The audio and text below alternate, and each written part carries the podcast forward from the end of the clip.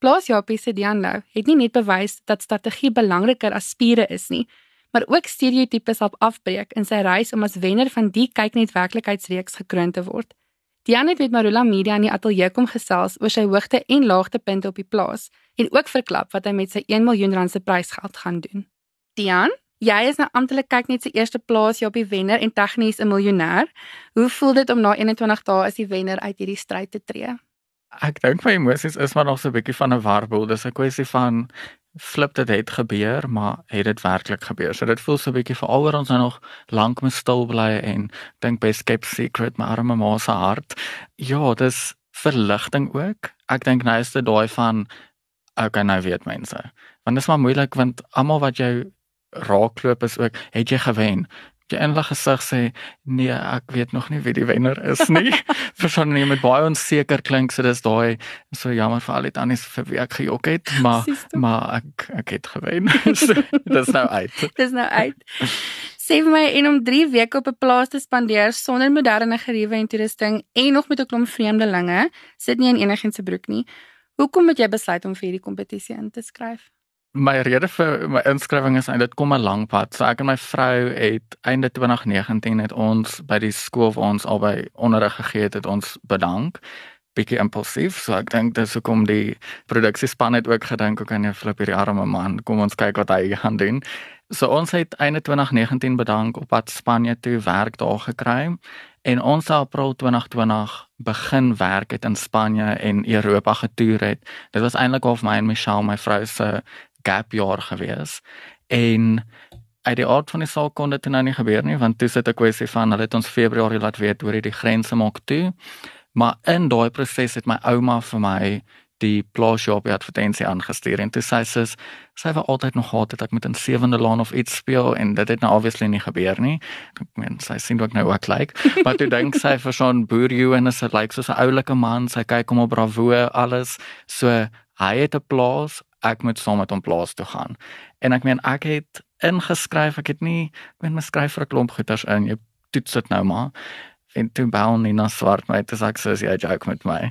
En Plaashop is oorspronklik vir film met die maand so dit sou Maart 2020 vir film het en ons sou April 2020 in Spanje begin werk het. So dit was so nee, ek het die werk nie klink soos avontuur so kom ons toets dit ek spreek het nie geweet wat dit alles behels nie want dan sou ek dalk nie ingeskryf het nie.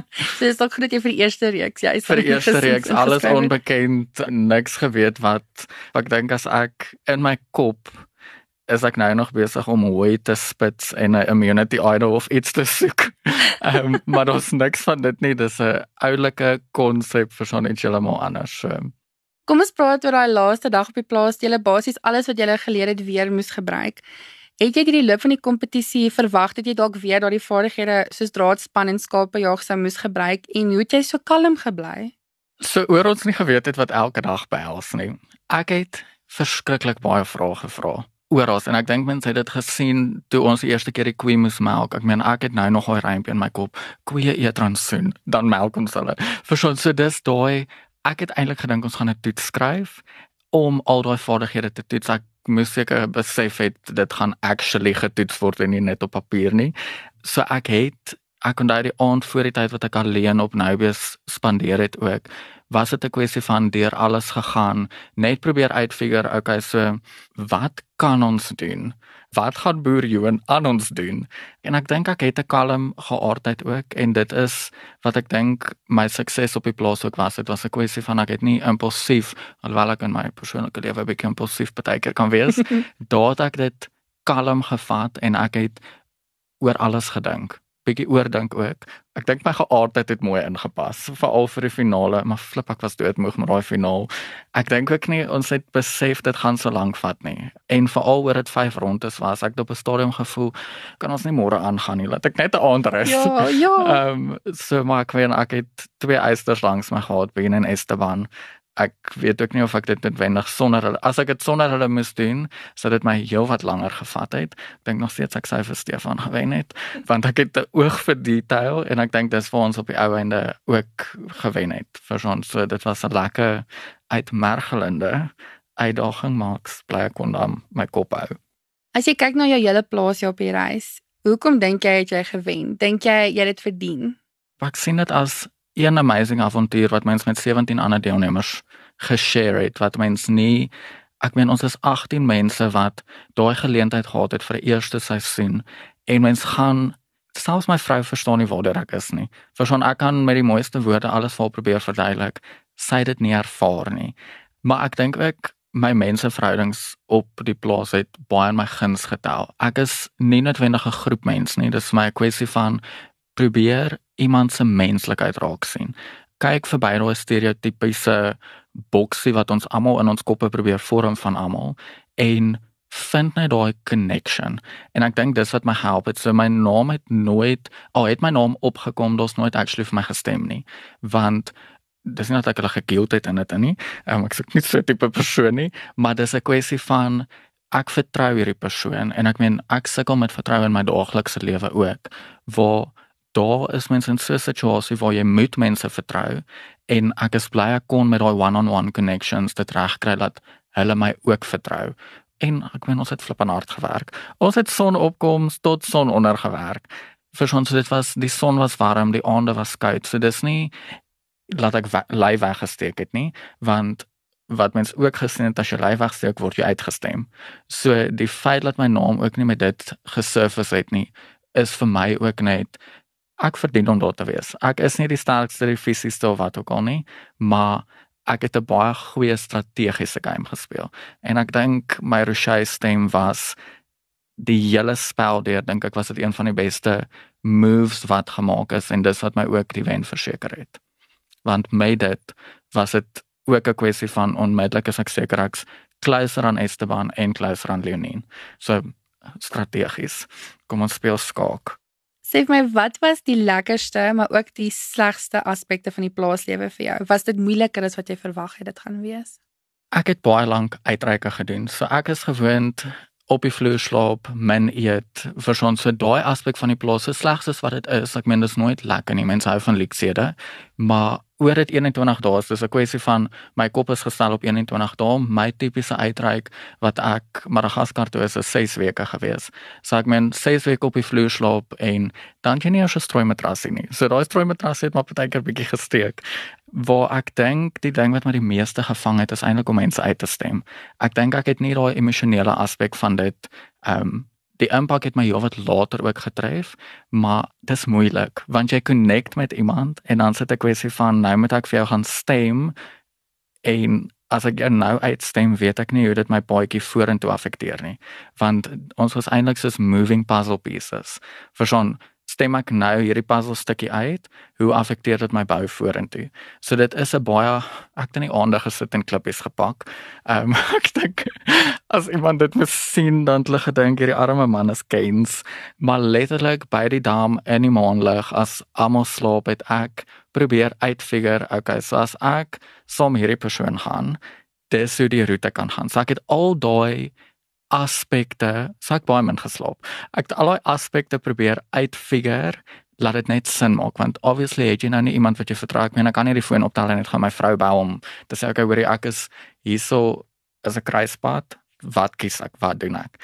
So ek dink dit was my die moeilikste aspek om mense uit te stem maar dan ook die lekkerste was die mense. Hoe mense my verbaas het flippen Esteban wat pens en poetjies in my hart ingekruip het want mense het stereotypes ek meen toe ek hom die eerste keer gesien het ook en dis eintlik Leonin ook. Ek meen mense plaas mense in boksies en hulle verbaas jou as jy hulle kans gee. So ek dink dis wat vir my lekker was om met die mense te connect op hulle vlak ook. Maar my vlak dit klink snaaks om te sê op iemand se vlak, maar in die sin van I saw your humanness and you saw mine. Almal het 'n storie om te vertel. Jy ken nie my 30 jaar wat ek agter my het nie, maar hoe gaan ons paaie wat nou kry is, hoe gaan ons dit laat werk? Is jy goed met skaak? Ek is tyd vir 'n bordspeletjie. Ons het sonder TV groot geword. So ons is vier kinders. So ek meen my maale moes maar allerlei maniere. So ons het kaart gespeel, knesta, alles van wat ons klein is. En my pa het 'n ding van jy laat iemand nie wen nie. So ons het ek onthou my pa spot nou nog dan sê ek wys van hy onthou ek vir hom sê pappa kan ek net een keer wen. So dis hoe kwessie van ons moet fight om te wen. En dit het ons daai probleemoplossing geleer wat ek oor dankbaar is en my arme vrou pluk nou die vrugte daarvan want sy vra my nou en dan dat ek ook net bietjie moet laat wen. Mens leer natuurlik baie oor jouself in so 'n kompetisie. Wat het hierdie ervaring vir jou as mens beteken? Vir my is dit 'n kwessie van gee almal 'n kans. Net soos wat ek wil hê mense met my 'n kans gee, gee almal ook 'n kans. Jy hoef nie noodwendig met my keuse saam te stem nie, maar respekteer dit. En ek dink om oopkop deur die lewe te gaan, vir son om nie iemand don't make quick judgments. Dis 'n kwessie van flip ons almal uit 'n plekjie onder onder die son, laat almal groei. Kyk jy nog met van jou medeplaasjapies? Niemand. Ek wil niks met enigiemand te doen hê nie. nee. Ons het goeie verhoudings met almal, maar ek dink vir my is dit die persoon wat ek die klouste op die plaas was en ook nou na die tyd is Esteban. Die ander is mens vriendelik mee en want ons share daai avontuur wat ons mee saam was, maar ek en Esteban is hy's my klein boetie. Wie is Jan as hy nie op die plaas is nie? So ek is 'n voltydse kunstenaar. Ek doen ietsie van alles, maar ek is mal oor 'n portret. So vir my om 'n portret te skilder want dit is ook veral om op oë te fokus. Dit voel vir my jy vertel daai persoon se storie en almal sien iets anders aan die portret wat weer iets van hulle sê. So dit is my net lekker prentjies, wentjies, kykies, mense enigiets is lekker om te skilder.